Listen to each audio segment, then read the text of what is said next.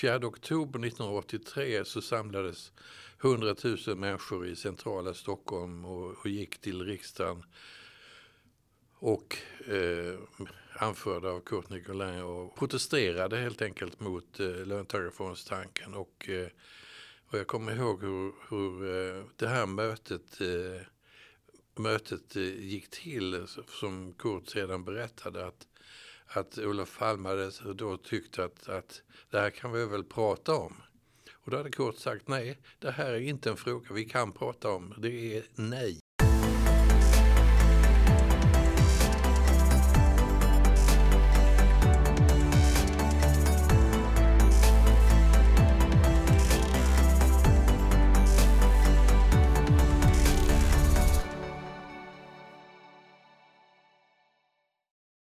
Välkommen till Uppskattat, en podcast från Skattebetalarnas förening. Jan-Erik Larsson har varit bland annat informationschef för dåvarande Svenska Arbetsgivarföreningen, vice vd för Svenskt Näringsliv, vice vd för Kinnevik och tilldelats Stora Journalistpriset när debatten om löntagarfonder var som hetast. Eh, idag är han aktuell med boken Det långa loppet om näringslivets opinionsbildning. Varmt välkommen till Uppskattat Jan-Erik. Tack så hemskt mycket. Vad roligt att ha dig här. Eh, utöver namnet på din bok, vad är det långa loppet för någonting? Det långa loppet är som jag ser näringslivsorganisationernas eh, uppgift.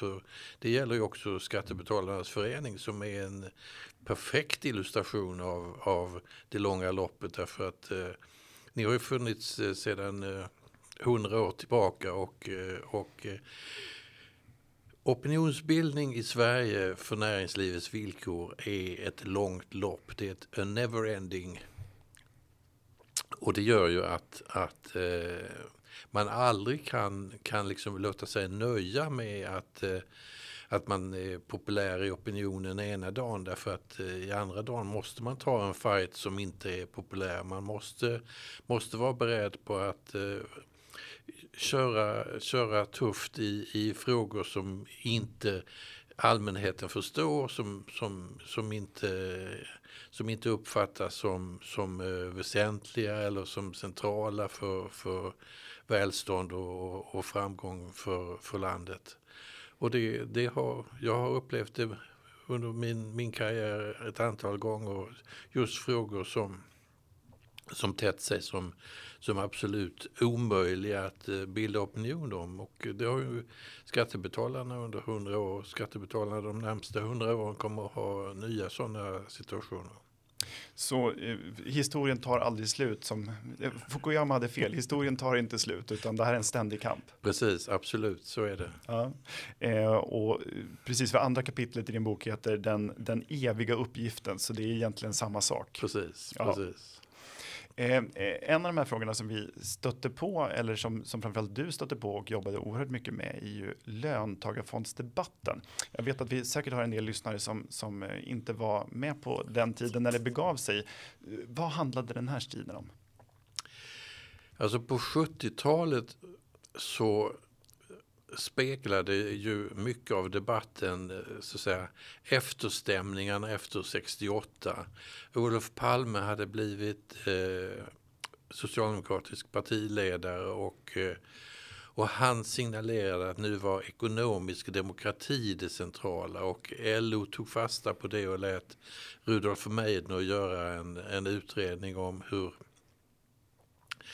om hur man skulle få mer ekonomisk demokrati. Och Meidner var en, en radikal som då framlade ett förslag om, om hur eh, fackföreningsrörelsen långsiktigt skulle ta makten över näringslivet genom att, eh, så att säga, skala av eh, resurserna i näringslivet och eh, föra över dem till, till, eh, till facket. Och det här vållade en, en, en eh, en mycket komplicerad situation för de stora näringslivsorganisationerna därför att man hade i så många decennier varit vana vid att det Socialdemokraterna, LO kräver, det kommer de att få.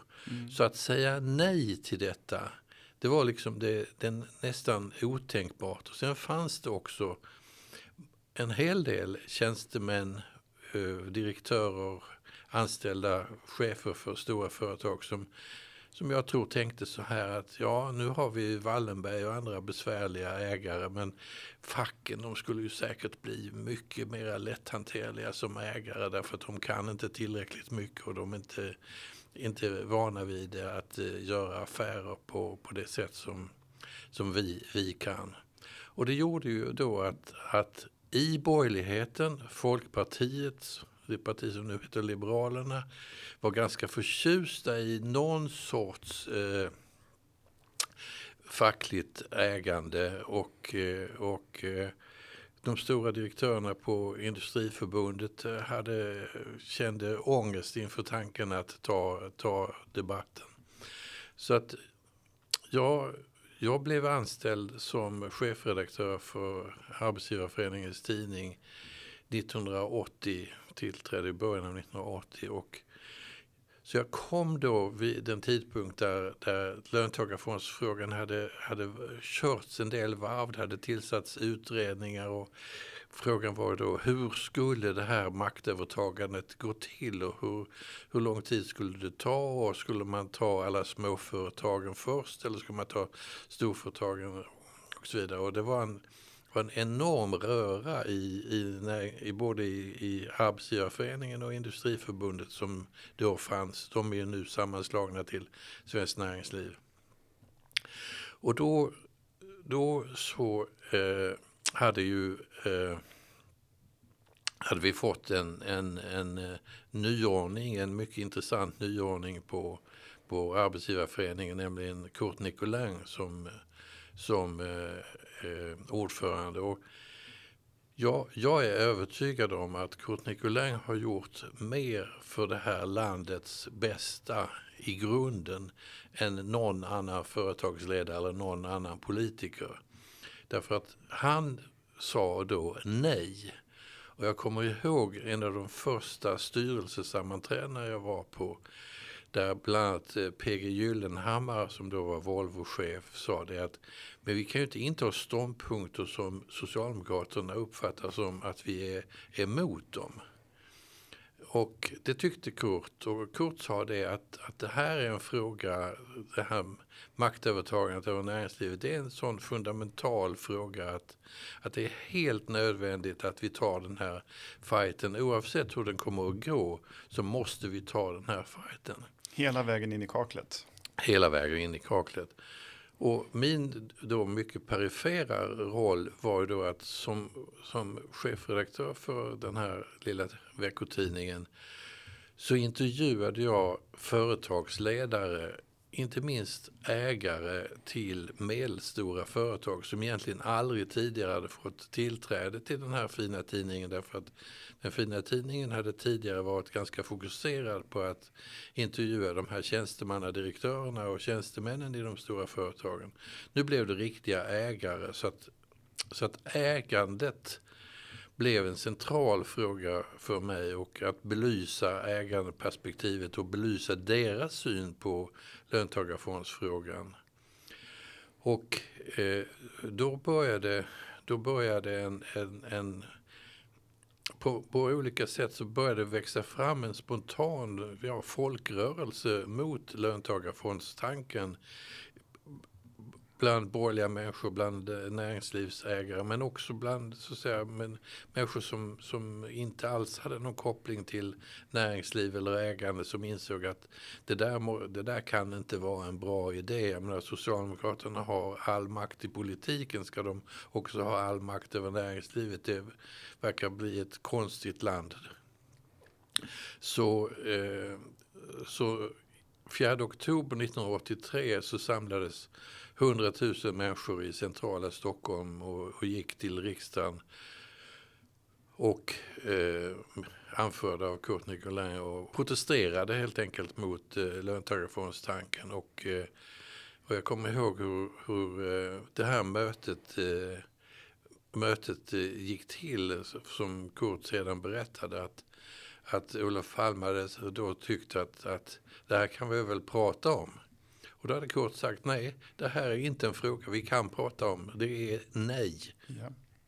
Och, eh, och det, det var en fantastiskt eh, spännande, spännande tid därför att eh, liksom det, det tedde sig några år, bara några år tidigare, fem år tidigare tedde det sig detta att, att vi skulle säga nej till löntagarfonderna och under tiden så pågick ju då ett antal utredningar och eh, till slut så, så fattade ändå eh, den socialdemokratiska regeringen ett beslut om en, en, en, en modell för löntagarfonder som inte var så, säga, så, så eh, hotande som, som eh, Meidners förslag.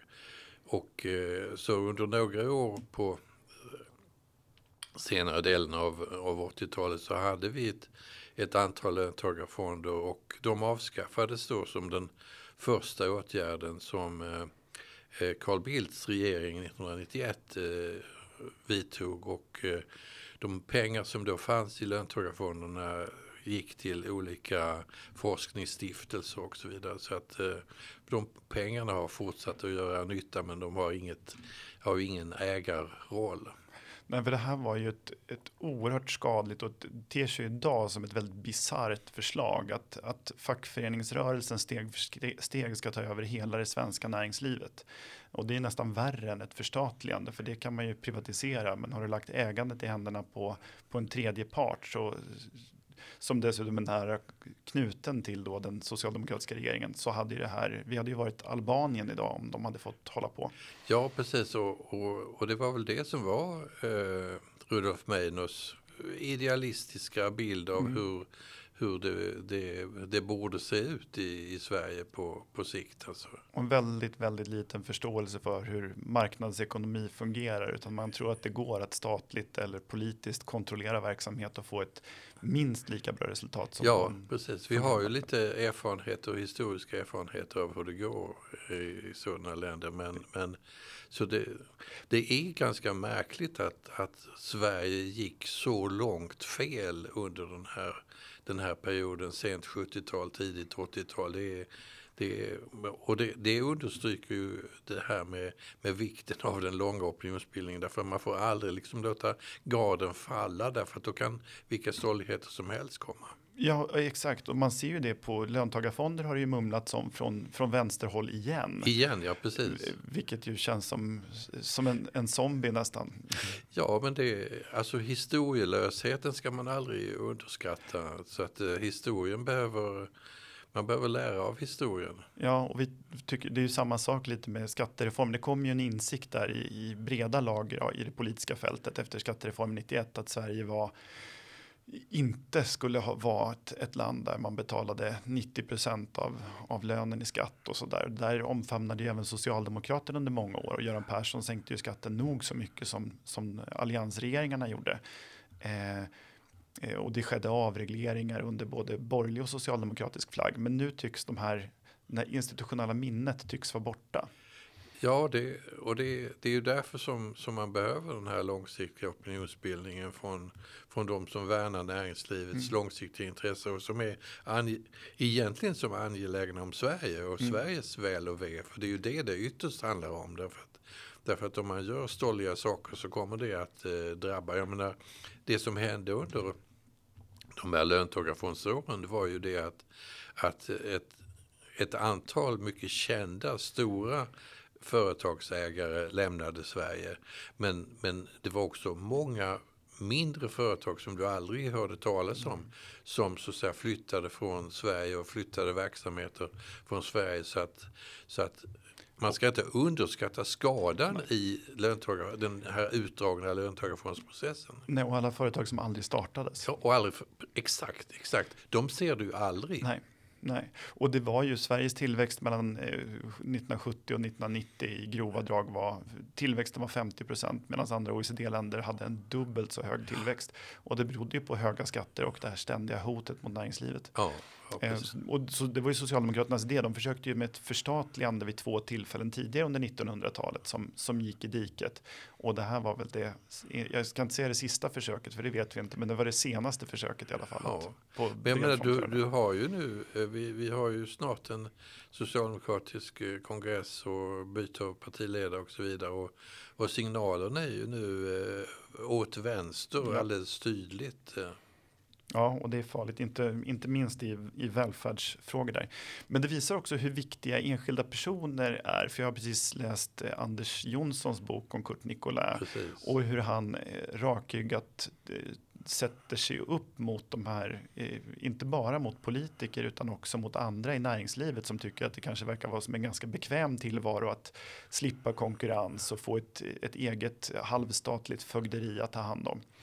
Eh, och det var ganska många ledande näringslivsföreträdare som gick i, i den fällan, hur konstigt den kan synas idag. Ja, Eh, men ni var ju st- några stycken där, Kurt Nicolai, du och Sture Eskilsson och säkert några till som oh ja, många, det var ju jättemånga som, som, som var aktiva i, i, i, i det här arbetet. eh, Så ingen nämnd och ingen glömd, utom just Kurt Nicolin. Därför, eh, om inte han hade suttit som, som Arbetsgivarföreningens ordförande, då, då hade så mycket annat inte kunnat göras. Det är jag Mm. övertygad om. Så att han, han, han spelade en, en, en, en oerhört central roll. Och så att Anders Jonssons bok om Kurt Nicolin är verkligen, den bör alla läsa. Ja, jag håller, instämmer till fullo.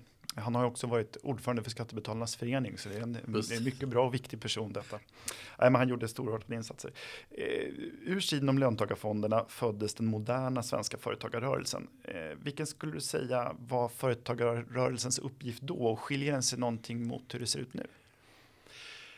Alltså det är ju hela tiden så att, att det är precis som med skattebetalarna som, som måste ta sig an olika frågor vid olika tider så, så måste alla näringslivsorganisationer, vare sig det är Svenskt Näringsliv eller, eller eh, Företagarna och så vidare, måste ta sig an liksom de frågor som, som har det här framtidsperspektivet, det här strukturella perspektivet så att, säga, så att man, man, man vårdar vårdar företagens tillväxtmöjligheter och utvecklingsmöjligheter, vårdar, vårdar möjligheterna att starta nya företag. Så att säga, regleringarna får inte, får inte vara för, för besvärliga och eh, skatterna måste vara rimligt utformade och sånt där. Så, att, så jag menar en, en stor upplevelse för mig eh, var ju att se hur de här mycket korkade skatterna som vi hade länge,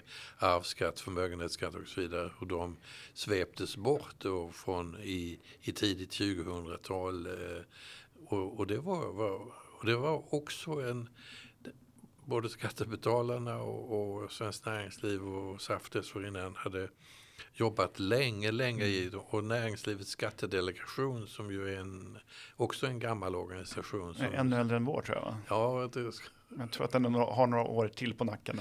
Precis. Och det, och det bara illustrerar det att, att man måste hela tiden, hela tiden vara, vara på sin vakt och, och se framåt så att säga. Därför att om man inte ser framåt eh, så, så finns det en risk att man, man, ja, att man inte gör det som, det som man borde göra. Mm. Nej, och inte ge upp. Alltså, Och aldrig, inte ge upp. aldrig acceptera problemformuleringsprivilegiet utan inte släppa, även om opinionen just nu inte är med än så måste man hänga i och, Ja, och vara ja. med och vända den. Och det, det har ju lyckats vid ett antal tillfällen i historien. Ja, precis.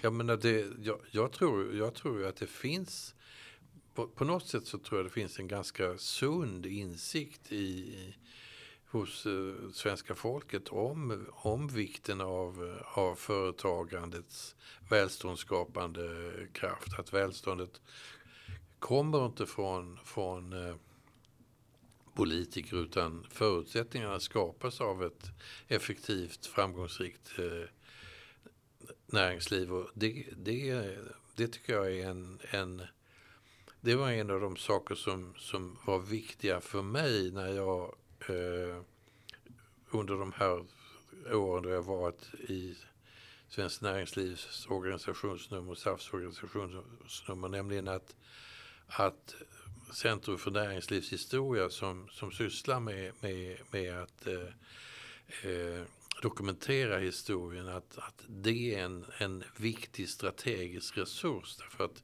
historien, historien är, är viktig att, att ha med sig, ja. som den här Nicolin-biografin visar. Och, och,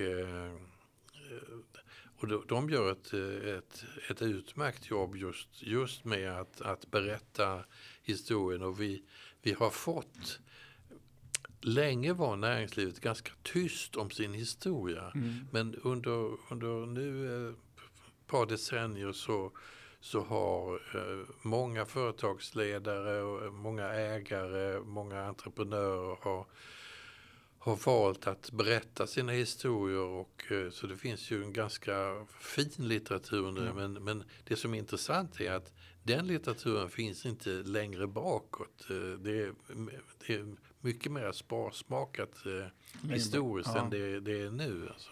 Där gör ju sagde Anders Jonsson ett, ett viktigt arbete att Precis. gräva fram gamla entreprenörer eh, och visa vad de har gjort. Eh, du nämner i boken att fokus under 70-talet förflyttades från eh, pro-business till pro-market. Vad, vad, betyder det? Ja, alltså eh, det här är ju en, en evig stridsfråga inom, inom näringslivet eller en spänningsfråga. Eh, är det så att man ska skapa bästa möjliga förutsättningar för alla företag och för nya företag, då är man pro-market för marknadsekonomi. Men det ligger ju nära till hands också för den mest eh, vänligt sinnade företagare att säga att om, om just min lilla verksamhet regleras på ett sådant sätt att det inte kommer till till exempel utländsk konkurrens. Ja, då är det ganska bekvämt att driva min verksamhet. Då behöver jag anstränga mig lite mindre. Och därför så, så förekommer det hela tiden i samhällsdebatten förslag som egentligen syftar till att vara bra för en viss bransch, en viss sektor av näringslivet och det kallas då pro-business, alltså att vara, vara för en avgräns, ett avgränsat intresse men, men strunta i om detta avgränsade intresse är, är bra för helheten. Precis, man brukar, det, är sällan man, det är inte sällan man träffar företagare som tycker att just deras bransch har så speciella förutsättningar så att de ska slippa. Konkurrens är toppen, men inte just på mitt område. Nej, precis, precis. Eh, och det gäller att hålla sig långt borta från det. Men det har väl Svenskt Näringsliv framförallt historiskt lyckats väldigt bra med. Ja, då, precis. Eh, och det är en skillnad från hur det ser ut i andra länder där väldigt många motsvarande organisationer är mycket mer pro-business, hjälper ja, medlemmarna att, att reglera ekonomin efter deras eh, vilja snarare än för marknadens väl.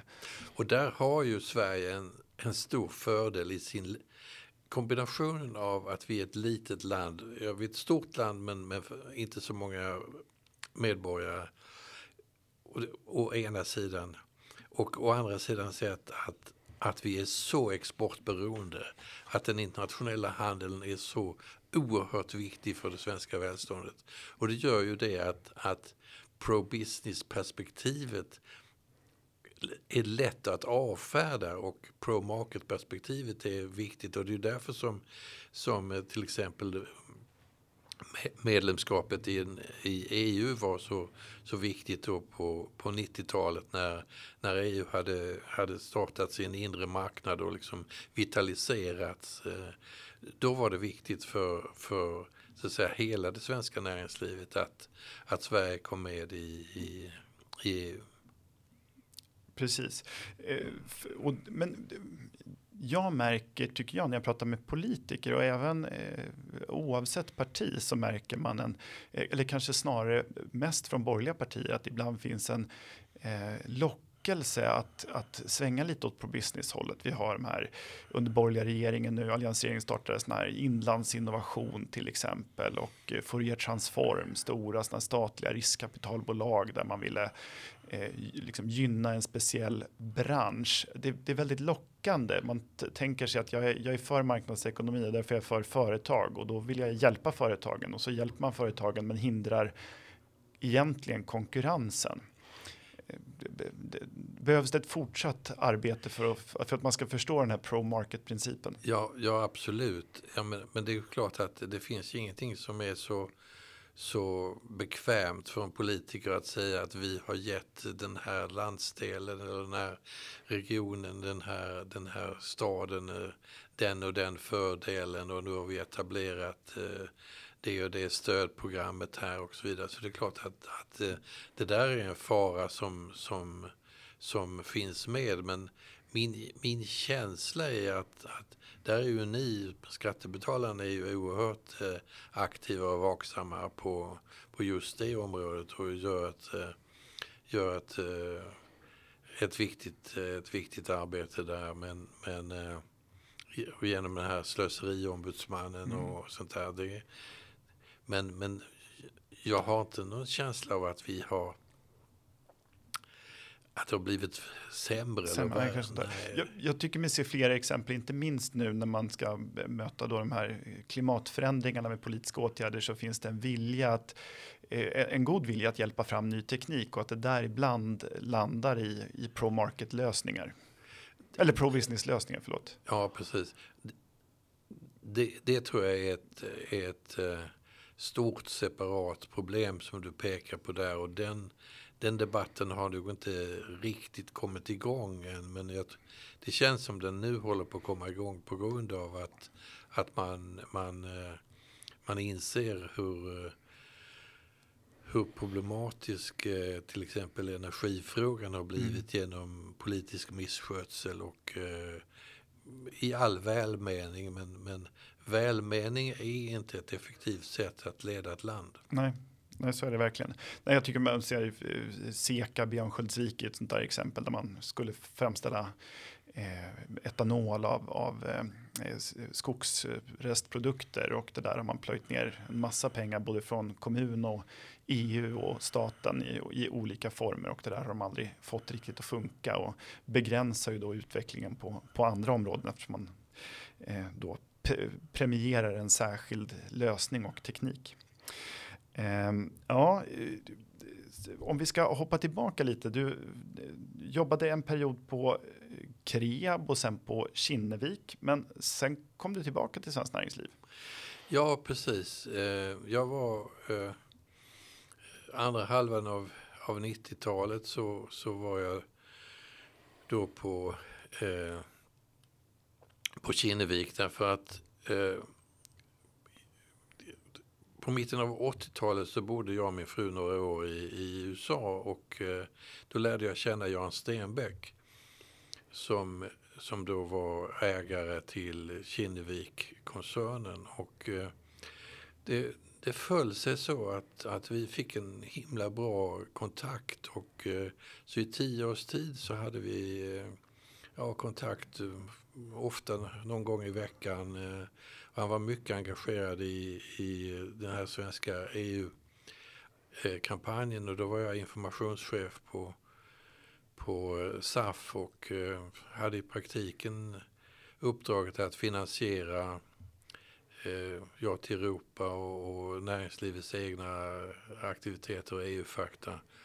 Och Jan följde detta med, med, med med stort intresse och då, då eh, när vi hade vunnit, Sverige hade vunnit det här inträdet i, i EU 94 i folkomröstningen så ringde han och sa nej nu måste du komma över till Kinnevik. Så sen var jag i Kinnevik eh, då i, i, i fem års tid när eh, den gamla industriaktiebolaget blev alla dessa eh, moderna aktiebolag. MTG och Tele2 och så vidare. Och sen så gick jag till, till, eh, till Kreab efter det och tog med några av Kinnevikbolagen som kunder dit. Och, eh, men då kom jag av en tillfällighet att jobba med Skandia och Skandia Liv och Urban Bläckström som då hade varit varit riksbankschef blev på grund av att Skandia, Skandia Lido var, hade en mycket problematisk situation i relation till sina, sina kunder. Just För det. att uttrycka saken diplomatiskt. Det, det Eh, minns vi. Ja. ja, så, så, eh, så bad eh,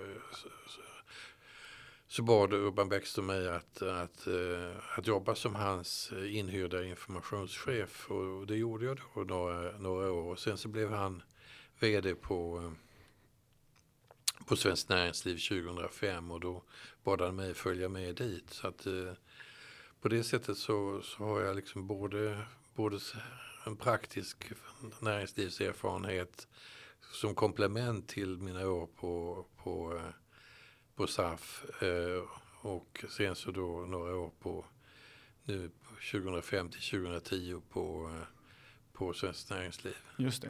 Och jag ska säga för våra lyssnare då att, att eh, Kreab är en, en, eh, heter det, en public affairs-byrå i, med säte i Stockholm med kontor runt om i världen som hjälper då företag att, att förstå och tolka politik och rådge dem i de frågorna. Och eh, Svenskt Näringsliv det är ju en sammanslagning då av eh, gamla SAF, alltså Svenska Arbetsgivareföreningen och dåvarande Industriförbundet. Och tidigare hade man, om jag har förstått det rätt, en ordning där SAF var mer av en eh, utåtriktad och opinionsbildande organisation för företag och Industriförbundet ägnade sig mer åt det som brukar beskrivas som lobbying, det vill säga Ja. direkta kontakter med politiker. De här slogs samman då för 20 år sedan, 2001. Men du var ganska kritisk till de planerna, var det inte så? Nej, jag, jag var ju fundersam över hur det skulle gå. Eh, därför att för det första så är fusioner i näringslivet alltid en problematisk. Därför att det är alltid någon som vinner, någon som, som så att säga, kommer att dominera. Och resultatet blev ju då under de första åren av Svenskt Näringsliv var ju då en ganska spänningsfyllt förhållande mellan de här båda kulturerna. Och jag var rädd för att, att det här långsiktiga eh, opinionsbildningen skulle, skulle stryka på foten. Men, Mm. men så har det ju inte blivit utan, utan den, den fortsätter ju leva och, och man fortsätter ju med sin, sin, eh, sina direkt, direktkontakter med, med politiker, det du kallar, det vad man kallar lobbying. Så att eh, jag tror att man, man har hanterat det där därför att, därför att det var ju det som var besvärligt tidigare det var ju att det i, i hög grad var samma människor som satt i båda styrelserna och de Mm. tyckte det var onödigt med, med de här eh, dubbla styrelsesammanträdena. Så att, eh, det, Trots de dubbla arvodena. ja. Ja. Eh, hur tycker du att eh, förändringen från då sent 70 eller tidigt 80-tal jämfört med nu, har, har förutsättningarna för, för det svenska näringslivet förbättrats? Ja, det, det tycker jag faktiskt att, eh, att det, ska man, det ska man inte sticka under stol med. Att, att eh, inte minst de här skattereformerna som, har- som har gjorts, både avskaffandet av de här korkade skatterna med på, som drabbade företagen men, men också att, att det finns en medvetenhet om att, eh, att är det någonstans, är någon riktning som skattetrycket borde gå så är det neråt och inte uppåt.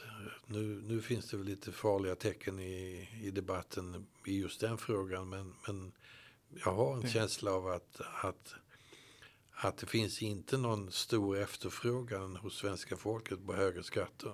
Nej, nej, så tolkar inte jag det heller, även om, även om det är oroande tecken vi ser i, i, i skyn. Ja, ja. Eh, eh, Lars Gustafsson formulerade ju 1980 en essä, det här problemformuleringsprivilegiet, där han också nämner informationsprivilegiet. Eh, och det handlar ju om den som, eh, den som äger information, den som, som, som sätter dagordningen, men också beskriver problemet, är den som också kan förklara lösningen på allra bästa sätt. Man, eh, har vi för, för få eh, jobb eller har vi för få arbetsplatser? Ett, ett sådant exempel. Och det blir, kan bli lite olika lösningar beroende på vilket problem som formuleras. Eh, och det där har ju vänstern historiskt varit väldigt skicklig på att göra. Jag tycker att ett område det märks särskilt tydligt på just nu är debatten om eh, vinster i välfärden och kanske framförallt just nu då friskolorna. Eh, där man eh, tycker att en, att en liten andel friskolor är det som är problemet i systemet snarare än att vi har haft en eh, märklig läroplan som inte har för, förändrats och, och en idé om pedagogik som, som inte bara saknar vetenskapligt stöd utan också som har misslyckats år från år. Eh, hur, hur ska man ta sig an de här frågorna tycker du? Ja du, det är en, det är en, det är en jättebra fråga och jag har ju inte sysslat själv med, med dem därför att de, det, det är ju någonting som, som i huvudsak har kommit efter att jag slutade aktivt. Mm. Men eh, du har rätt i det att, att, att motståndet just mot friskolor som, som ju är, är ett rent politiskt motstånd eh, att man vill ha monopol. Mm. Man vill inte ha någon konkurrens. Det, det, det, får inte finnas några skolor som är, är bättre än, än, än andra skolor. Och, och jag, under tiden på, jag var, när jag var på SAF så, så började ju den här, den här eh, rörelsen med, och jag skriver om det i boken, med, med det här dagis programprojektet Pysslingen mm. som då var extremt kontroversiellt. Fick en egen lagstiftning till och med. Ja, precis. Lex Pysslingen. Och då lärde vi oss eh, att jag menar, den debatten vann näringslivet och Pysslingen är idag en, en väl integrerad del i, i, i vardagen. Och eh, jag har inte jag menar, de som nu jobbar med, med, med eh, friskolefrågan gör säkert sitt bästa och jag, jag, kan inte säga att, att man skulle gjort det ditten eller datten och på något annat sätt. Men, men, men det är en svår utmaning när, eh, när man möter ett så hårt ideologiskt eh, motstånd som, som man gör. Och eh, jag tror att man skrämmer både de som har alla dessa små friskolor och man skrämmer föräldrar till barn som går i de här skolorna. De är jätt, oftast jättenöjda över, över att gå i de här skolorna men, men de är nog obenägna att, eh, att träda fram och, och, och berätta sina erfarenheter därför att eh, det viktigaste för, för de eleverna och för deras föräldrar är att, att det går bra för just dem och hur det går. Liksom, de ser inte frågan som systemfråga och därför har, har, eh, har man, tror jag, hamnat i, i, eh, i en besvärlig situation som ju, som ju märks nu när eh, socialdemokratin har tagit det här som en av sina viktigaste stridsfrågor. Och, eh, ja, jag är bekymrad för, för vad som ska hända i, i den frågan. om och, och jag hoppas verkligen att, att, eh, att oppositionspartierna fortsätter att, och hålla i den frågan på samma fasta sätt som Kurte Nicolin en gång höll i löntagarfondsfrågan. Exakt, och att inte acceptera det här problemformuleringen som då är som då är gjord från i det här fallet då från Socialdemokraterna och, och andra vänsterkrafter. Alltså man, man säger då att när en promille av de pengar som går till skolan som faktiskt går till vinstutdelning. Att det utgör problemet i skolan som ju har en helt annan grund. Och på mm. något sätt så är det som att eh, delar av näringslivet och borgerligheten accepterar den problemformuleringen istället för att peka på, på de uppenbara bristerna på, på andra håll.